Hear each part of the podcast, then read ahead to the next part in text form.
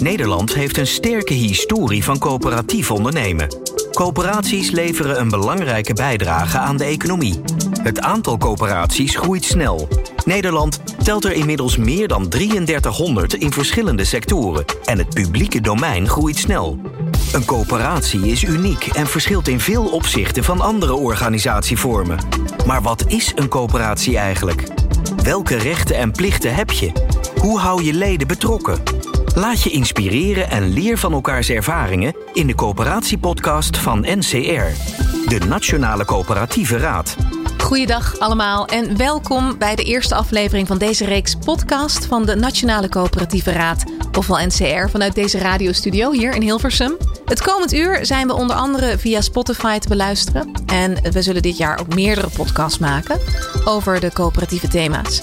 In elke aflevering behandelen we dan nieuwe thema's en praten we met experts van binnen en buiten de coöperaties. En vandaag bijten we de spits af met de transitie naar een meer duurzame landbouw, een belangrijk thema, en solidariteit binnen de coöperaties. Coöperatief Nederland luistert naar de Coöperatiepodcast. Alles over de toegevoegde waarde van coöperaties. Wat ik al zei, twee belangrijke thema's vandaag: transitie naar een meer duurzame landbouw en solidariteit binnen de coöperaties. En daarom vandaag in de studio Arjen van Nuland, directeur van NCR. Vertel, de eerste podcast, spannende dag. Toch? Ja, voor ons een nieuw instrument inderdaad Ja. om onze leden te, te bereiken. Dus eh, heel spannend. Ja, ja, want wat was de reden dat jullie dachten: we gaan dit eens een keertje anders aanpakken? En we gaan via de, de gehoorgang mensen vertellen over wat we allemaal aan het doen zijn wat ons bezighoudt en waar we mee kunnen faciliteren. Want dat was het idee, toch? Ja. Ja. Nou, NCR is een, een kenniscentrum voor coöperaties. En Herman Wijfels zei het al heel mooi dat iedere generatie ontwikkelt zijn eigen coöperatie. En dat betekent dat de coöperatie constant in beweging is. En wij als kenniscentrum proberen kennis te ontwikkelen en te ontsluiten naar onze leden toe. En daar is een podcast een heel mooi medium voor. Dat mensen op hun eigen gelegenheid eh, kennis kunnen nemen. Een mooie manier om experts zoals vandaag Jos Bijman als wetenschapper aan het woord te laten. Ja. Maar ook collega-coöperaties. Ja, precies. Want inderdaad, eh, Jos, eh, jij bent professor, zeg ik dat goed? En onderzoeker aan de Wageningen Universiteit. Inderdaad. Ja. Halfjaartje geleden ongeveer kwam het verzoek van NCR van... Goh, zullen we eens een aantal thema's eh, wat nader onder de loep nemen? ja, Arjen en ik hebben elkaar natuurlijk wel vaker gesproken. En we hebben al vaker geconstateerd dat duurzame landbouw een belangrijk thema is voor de coöperaties. Ja. Dus een half jaar geleden kwam het verzoek van de NCR aan mij om eh, eh, dat thema nog eens wat beter uit te, te diepen. Om uit te zoeken wat, eh, wat, wat leeft er nou precies onder de agrarische coöperaties. Wat, eh, wat zijn nou de grootste uitdagingen wat betreft eh, de transitie naar een duurzame landbouw. Ja, dan kom je natuurlijk al snel bij Wageningen terecht, want dat is een van jullie eh, expertises.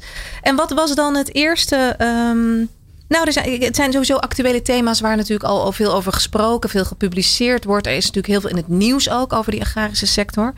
Heeft die coöperatie dan ook eh, een bepaalde baat bij dit onderzoek nu? Zijn er uitkomsten al waar je over wil vertellen? Of wil je eerst liever even vertellen wat de, de, de, de opzet is geweest en hoe jullie het gedaan hebben? Nou, misschien eerst even de aanleiding van het, eh, van het onderzoek. Ehm, er is eh, heel veel discussie over duurzame landbouw. Ehm, ik denk dat iedereen er wel over eens is dat we de landbouw duurzamer moeten maken. Eh, Dat, dat wordt op beleidsniveau wordt dat onderkend. Dat wordt door de boeren en tuinders eh, onderkend. Maar hoe we dat moeten doen, dat is een lastige. Ja. En tegelijkertijd wordt er veel over de, de boerentuinders zelf gesproken, maar er wordt niet heel veel over de coöperaties gesproken, terwijl die juist ook een hele belangrijke rol spelen in die sector. Als ik dat mag even toelichten, dus, eh, meer dan van driekwart van alle Nederlandse land- en tuinbouwproducten worden verkocht via coöperaties. Alle, eh, alle boerentuinders in Nederland zijn wel lid van één of soms twee of soms drie coöperaties. Dus eh, die coöperaties die spelen een belangrijke rol eigenlijk als intermediair tussen de ene, ene kant de producent, dus de boerentuinder, en de andere kant de, de supermarkt en de, en de consument. Ja. Is dit dan een van de uitslagen van dat verkennende onderzoek? Of was dit de basis waarop je hebt besloten ook... laten we dat onderzoek gewoon eens wat meer in detail brengen... en meer communiceren daarover? Voor ons was het natuurlijk wel als NCR kijken wat de rol van de coöperatie kan zijn in zo'n transitie. En je hebt natuurlijk een bijzondere relatie tussen de leden en de coöperatie in zo'n proces. Leden zijn eigenaar van de coöperatie, maar vaak leverancier of afnemer. Ja. Dus hoe ver ga je dan als coöperatie? Ga je dan meer een, een stimulerende rol spelen? Dat je zegt, nou we proberen een bepaalde lat steeds hoog te leggen. Of ga je het juist faciliteren en daarmee tempo bij de leden te laten? ja, dus ga je het voortrekken of eh, geef je het een natuurlijk verloop... waarbij de leden zelf wat meer tempo aangeven? Ja, interessant. is ook actueel thema überhaupt in Nederland, denk ik, op veel topics.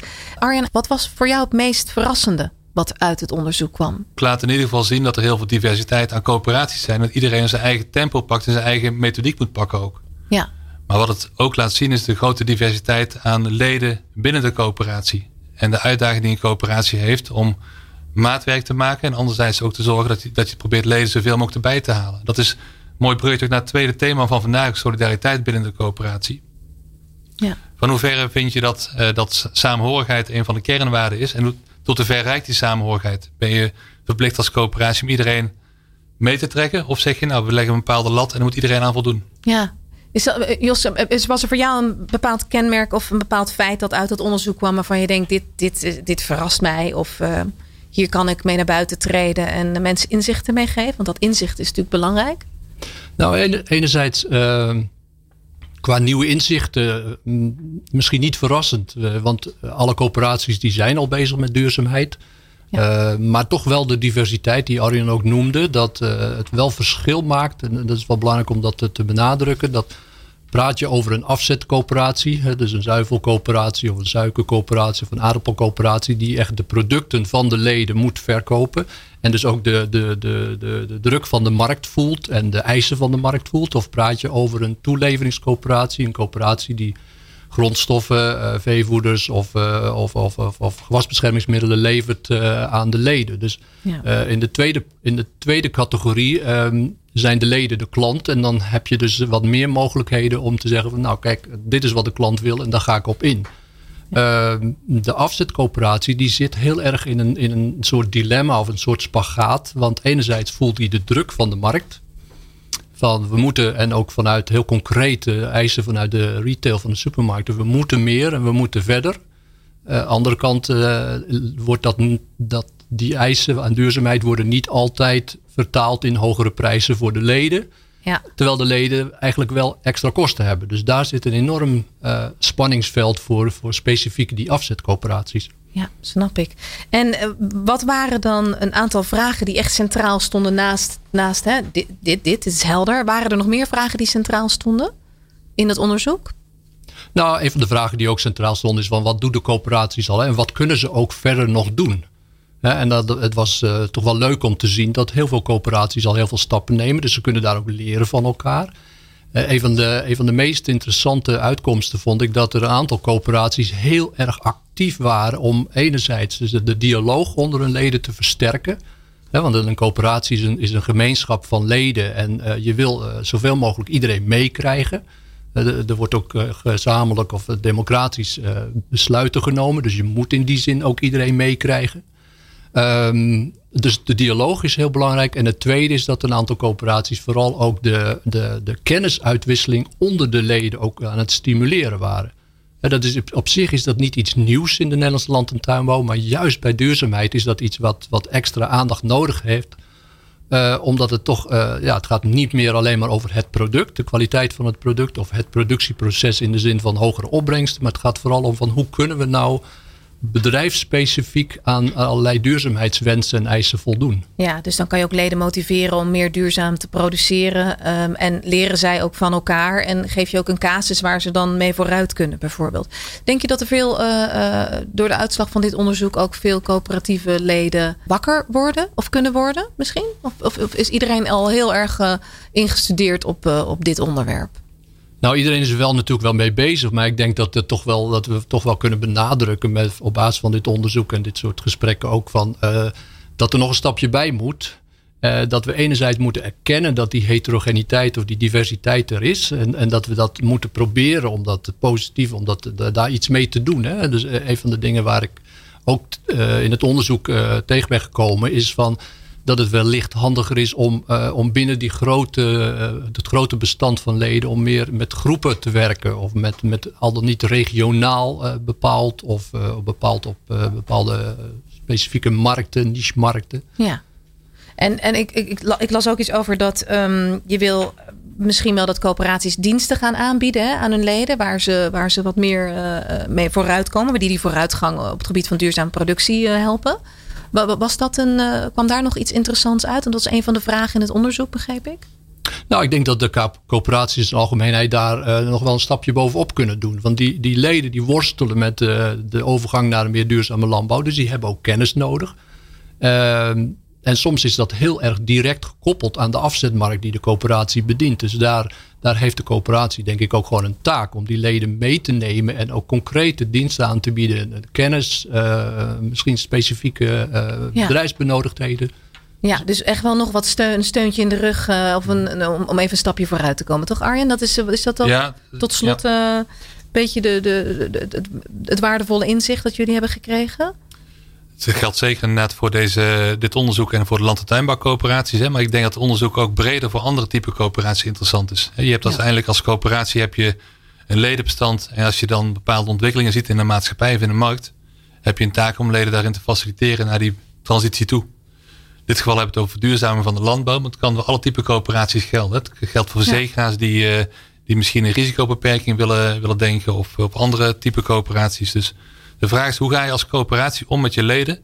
Uh, om, ze, om een bepaalde transitie te bewerkstelligen. Nou ja, daar gaan we ook natuurlijk in de komende podcast dieper op in. Dus dit is denk ik een hartstikke mooie basis om mee te vertrekken vandaag. Gaan we het straks nog hebben over die solidariteit binnen de coöperatie. Uh, hartelijk dank voor deze bijdrage. Door samen te werken staan ondernemers er niet alleen voor. Luister naar de coöperatiepodcast van NCR over de kracht van de coöperatie. Nu gaan we praten met de coöperaties. Jacques Goossens is aanwezig, voorzitter van de Raad van Commissarissen van Coöperatie Royal Flora Holland. Maar ook Erwin Wunnekink is bij ons vandaag, vicevoorzitter van het bestuur van Friesland Campina. En natuurlijk Arjan Kamp van Royal Agrifirm. Heren, welkom. We gaan het hebben over de twee thema's waar het onderzoek is eh, gedaan door de Universiteit Wageningen.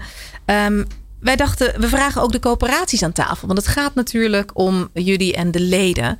En dan wilde ik eigenlijk vragen aan jou, Erwin. Wat voor rol vinden jullie dat de coöperatie moet spelen in de verduurzaming van, uh, van de sectoren waar we het over hebben? Friesland Campina is een, uh, is een afzetorganisatie. Dus wij uh, voelen ook, zoals we zeggen, de tucht van de markt. dus de markt die vraagt. en zeker omdat het een maatschappelijke discussie is, duurzaamheid, wordt die ook geprojecteerd op de producten die wij produceren. Dus we zijn stimulerend naar onze leden om, uh, om, om zeg maar te voldoen aan, uh, aan duurzaamheidseisen. Ja. Uh, en we proberen ook te faciliteren daarin. Door kennis, maar ook met name stimuleren door, door extra geld te geven ja. aan onze leden. Met geld ook de middelen, zodat die voortkomen. Is dat een beetje hetzelfde bij Agriferm? kan ik daarvan uitgaan?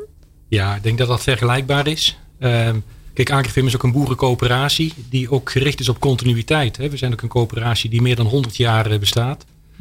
Uh, en onze leden die gaan ook voor continuïteit. Die willen ook bestaansrecht houden. En bij dat bestaansrecht hoort ook een duurzame productie. Dus daar ondersteunen wij ook uh, zeer in. Ja, dus daar zijn jullie ook wel op uh, dagbasis mee bezig. Ja. Ja, mooi. Geldt dat ook voor, voor jullie, Jacques? Zeker. als Royal Flora Holland, als coöperatie sta je natuurlijk midden in, in de maatschappij. En ook bij onderdeel van, van de keten waar je, waar je in werkt. En uh, daar, heb je, daar is duurzaamheid een, eh, een belangrijk onderwerp. En dan denk ik ook dat het belangrijk is vanuit de rol die je speelt in de, in de coöperatie. Dat je in ons geval als Raad van Commissarissen dat onderwerp ook gewoon agendeert in je gesprekken met, uh, met de bestuurder. Dus dat is uh, zeker iets wat wij in het verleden gedaan hebben en nog steeds doen. Ja, dat is dan ook de voortrekkersrol die je daarin uh, aanneemt. zeker, ja. ja. Als raad van commissarissen. Ja. Ja, ja.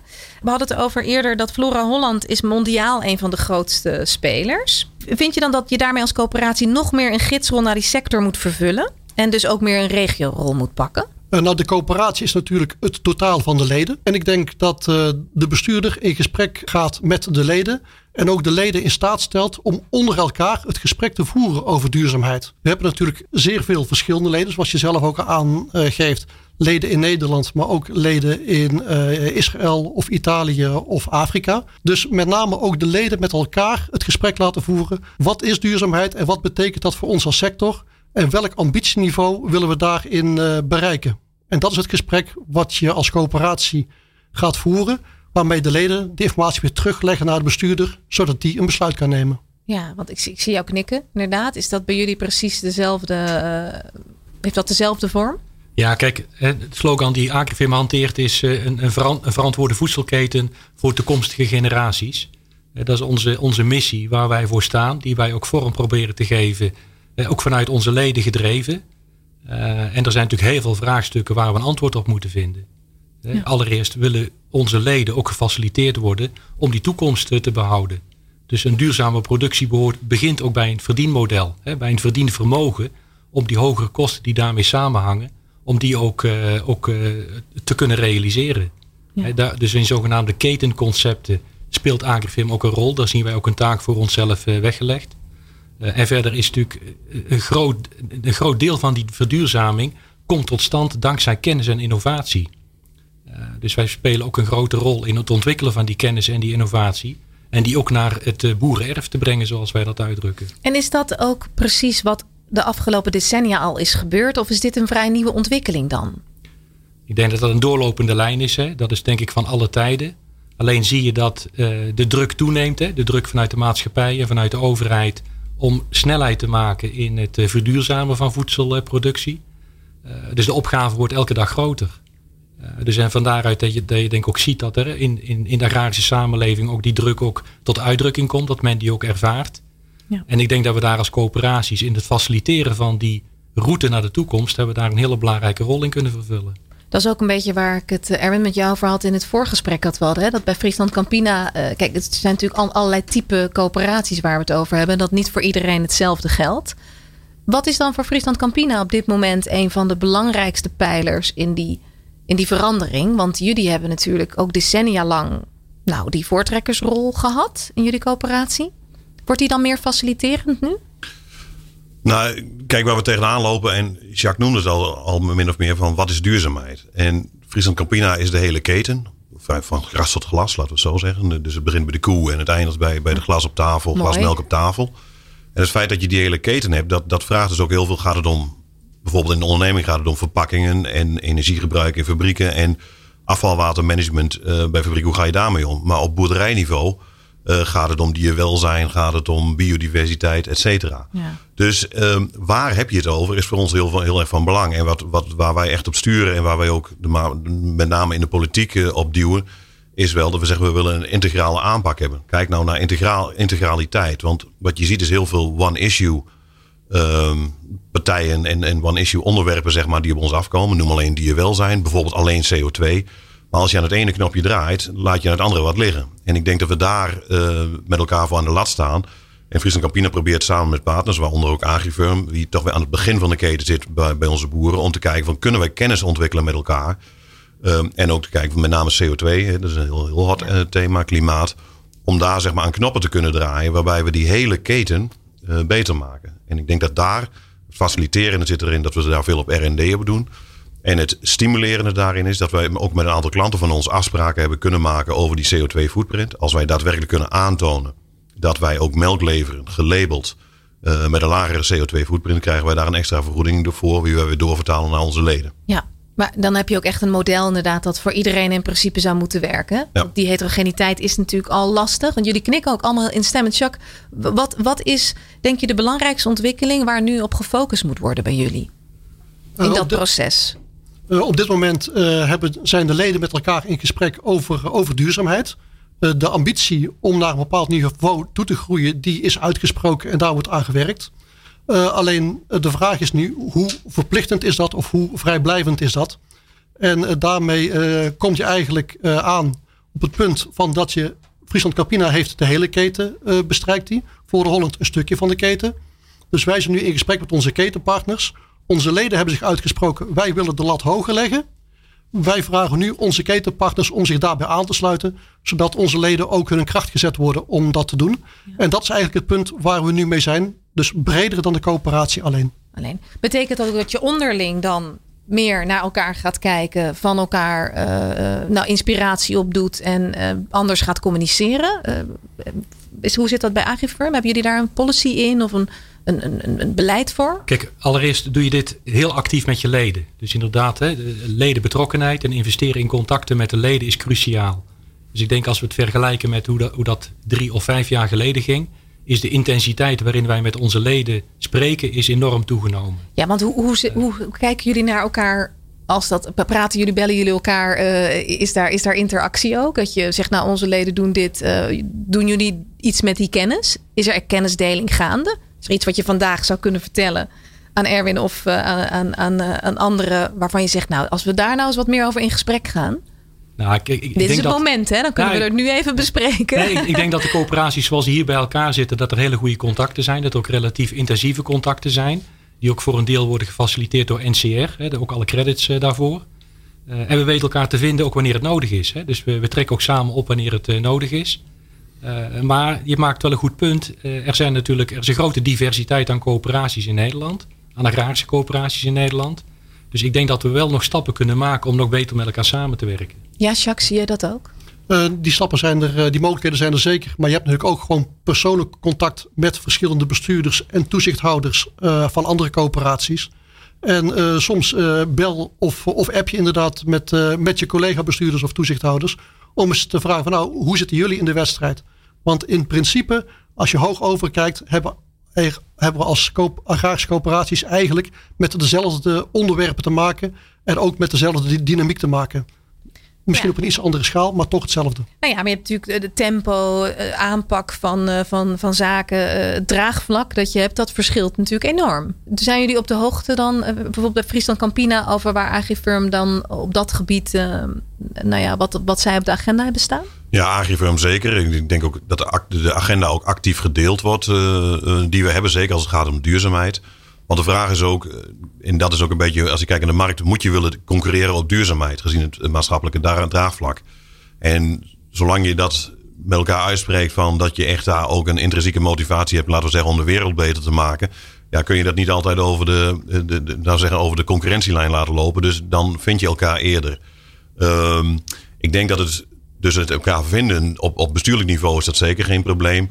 Ehm, we hebben die heterogeniteit van leden benoemd. En ik denk dat we daar allemaal tegenaan lopen. Want als je kijkt, zoals Jacques het mooi zegt, naar het coöperatie, het geheel van, van leden en, en ook ondernemingen uiteindelijk. Dat daar voor ons een enorme uitdaging zit.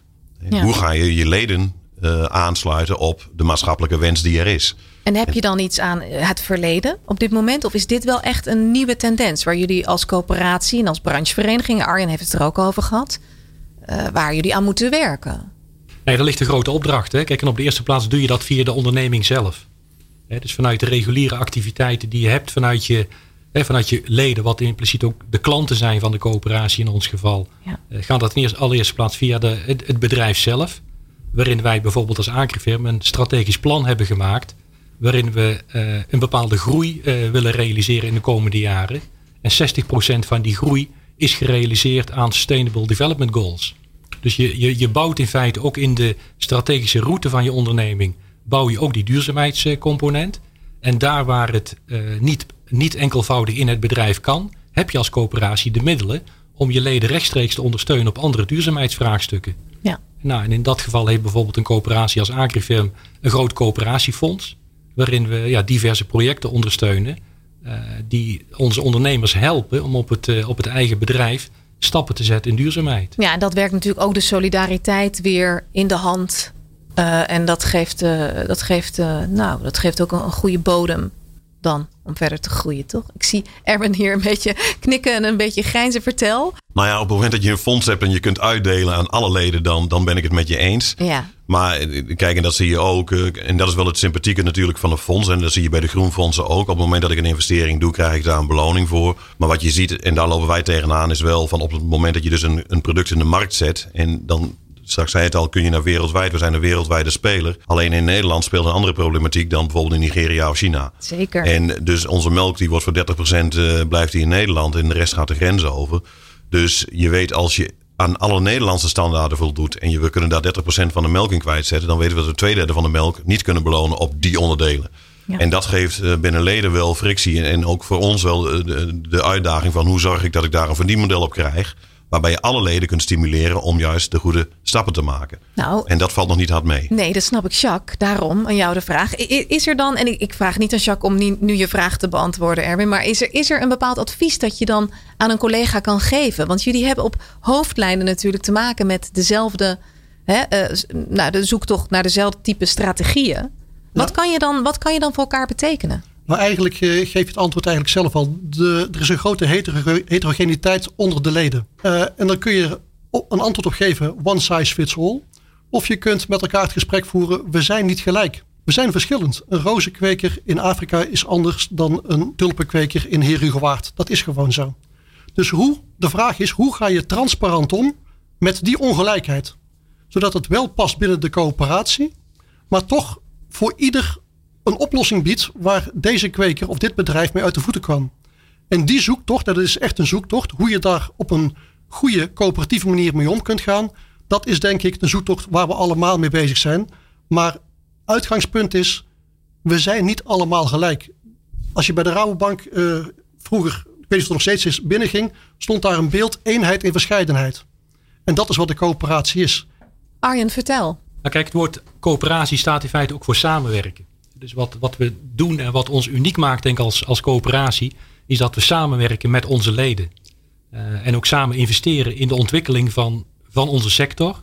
En dat doe je dus ook door te investeren in je eigen leden. Uh, en ik vind in dat verband vind ik onze jongerenraden vind ik eigenlijk een prachtig voorbeeld. Hè, wat we daar tot stand uh, kunnen brengen. Dus daar investeren we heel veel in kennis en opleiding en training. Daar bouwen we communities met onze, met onze jonge, jonge ondernemers. En die zetten we dus ook in en die laten we ook meepraten over de ontwikkeling van de richting van de coöperatie. Zij zijn natuurlijk de leden en de klanten van de toekomst. En is dat in elke coöperatie op dit moment inderdaad een aanpak? Kijk even naar jou, Erwin. Ja, ik, ik, ik zit vol interesse te luisteren uh, hoe het daar gaat. Want ik denk dat daar, een, uh, dat daar een oplossing zit. Want nu wordt het nog wel eens een keer wij-zij uh, gedaan als het gaat om duurzaamheid. Maar eenheid en verscheidenheid, dat vind ik een mooie. Want eigenlijk ben je als, als coöperatie, zo heb ik het ook vaker gezegd tegen leden, van moeten we eigenlijk het ideale plaatje zijn, het ideale boerenbedrijf met elkaar.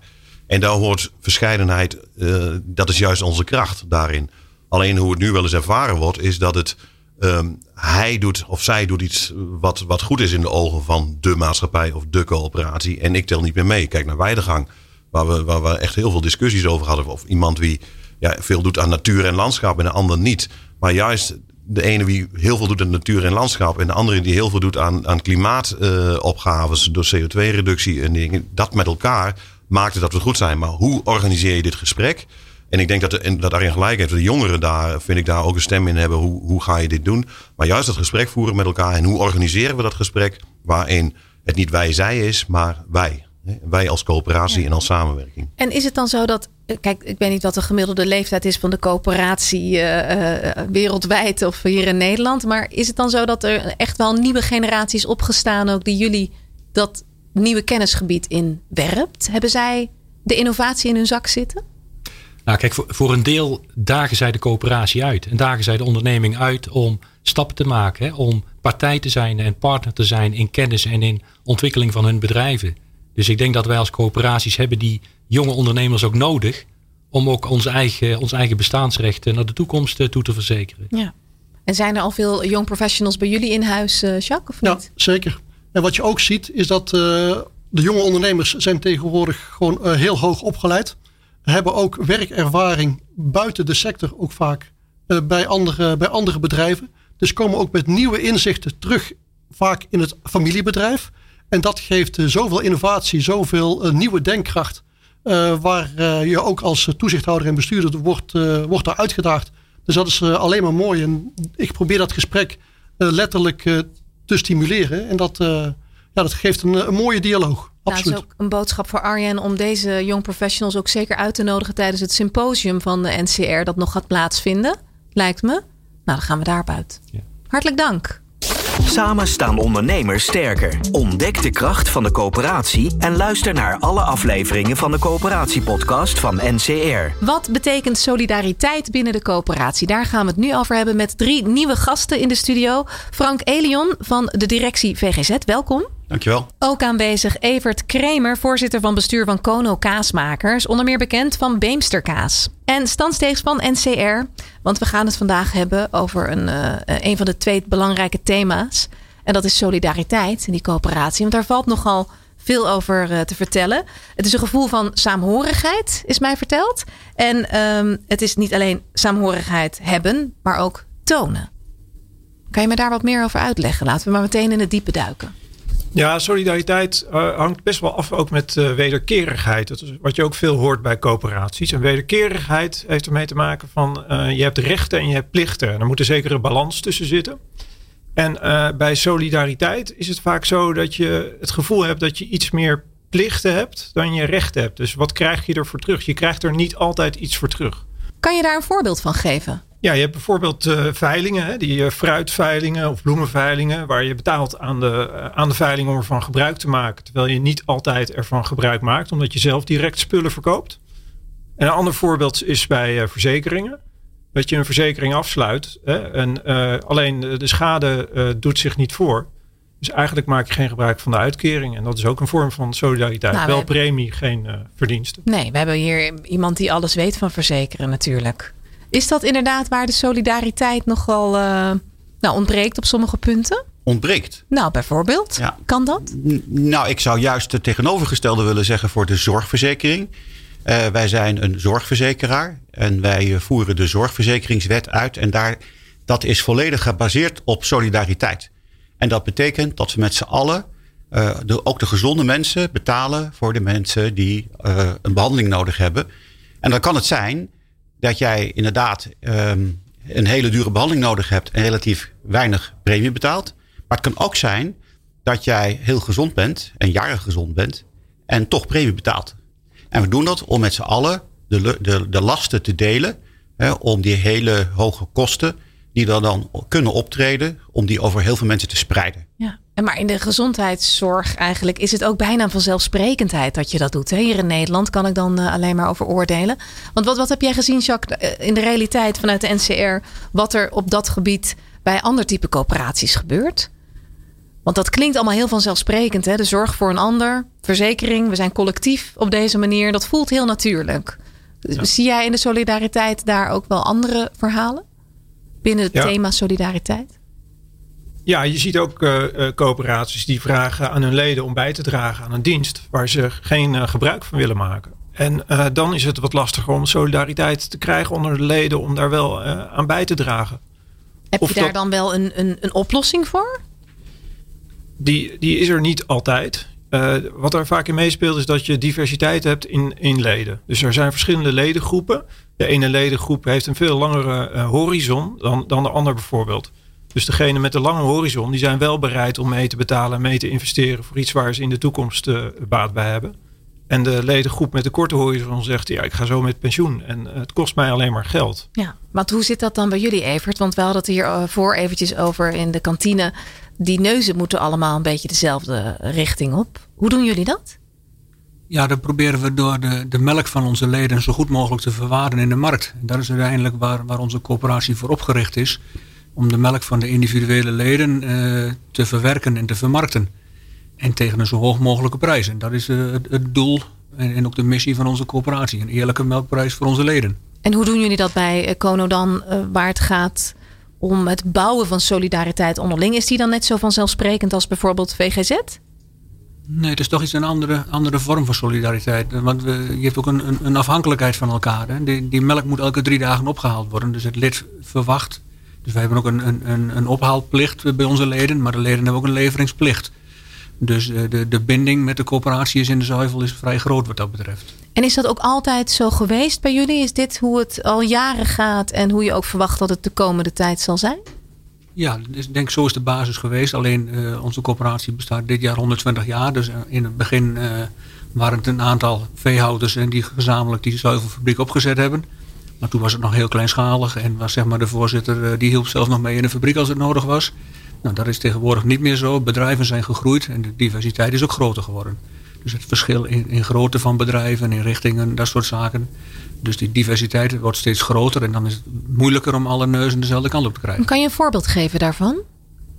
Nou, wat ik al zei, de, de grootte van de bedrijven. Uh, een ander punt uh, wat net aan de orde geweest is, is bijvoorbeeld duurzaamheid. Hè. De, de ene is een aantal stappen verder in duurzaamheid met zijn bedrijf als de ander. Nou, dan wil je met elkaar ook graag stimuleren. Dat, dat iedereen uh, wat dat betreft de, de, goede kant op gaat. En de ene is daar wat verder in dan de ander. En, en vraagt ook andere dingen van de coöperatie daarin. Ja, snap ik. En hebben jullie dan ook, waar we het eerder over hadden, te maken met een verandering in generatie? En merk je dat dat dan een nieuw inzicht of een ander type bijdrage levert? Ja, de generaties maken nog niet eens zoveel uit. We zien niet echt verschil tussen zeg maar, jongere en, en oudere veehouders. Ja. Maar je ziet wel dat, dat inderdaad de jonge veehouder die, die, die nog jaren met zijn bedrijf vooruit moet. Ja, die moet aan de ene kant wil die werken aan duurzaamheid. Aan de andere kant moet er ook een goed verdienmodel onder liggen. Ja, precies. Die, want dat, die spanning is er nu af en toe wel in. Dat, dat merk je wel. Ja, dat snap ik. En dat zit ook een beetje. eh, Jacques, eh, we hadden het over dat de solidariteit eh, binnen coöperaties de afgelopen jaren best wel veranderd is. Heb jij daar eh, een verwachting bij voor de toekomst als je kijkt naar het eh, overal, op de, over de overal branche? Ja, mijn, mijn verwachting is eigenlijk dat die solidariteit eigenlijk wat meer afneemt. Eh, ook wat je ziet is dat de transparantie in de markt toeneemt. Zie je bijvoorbeeld bij inkoopcoöperaties, waar eh, eh, bijvoorbeeld boeren hun gewasmiddelen kunnen kopen, gewasbestrijdingsmiddelen.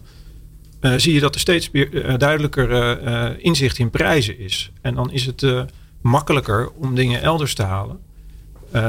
Waar, waar je vroeger vanuit loyaliteit of omdat het hoorde of omdat het dichtbij was, altijd naar jezelfde eh, afnemer ging.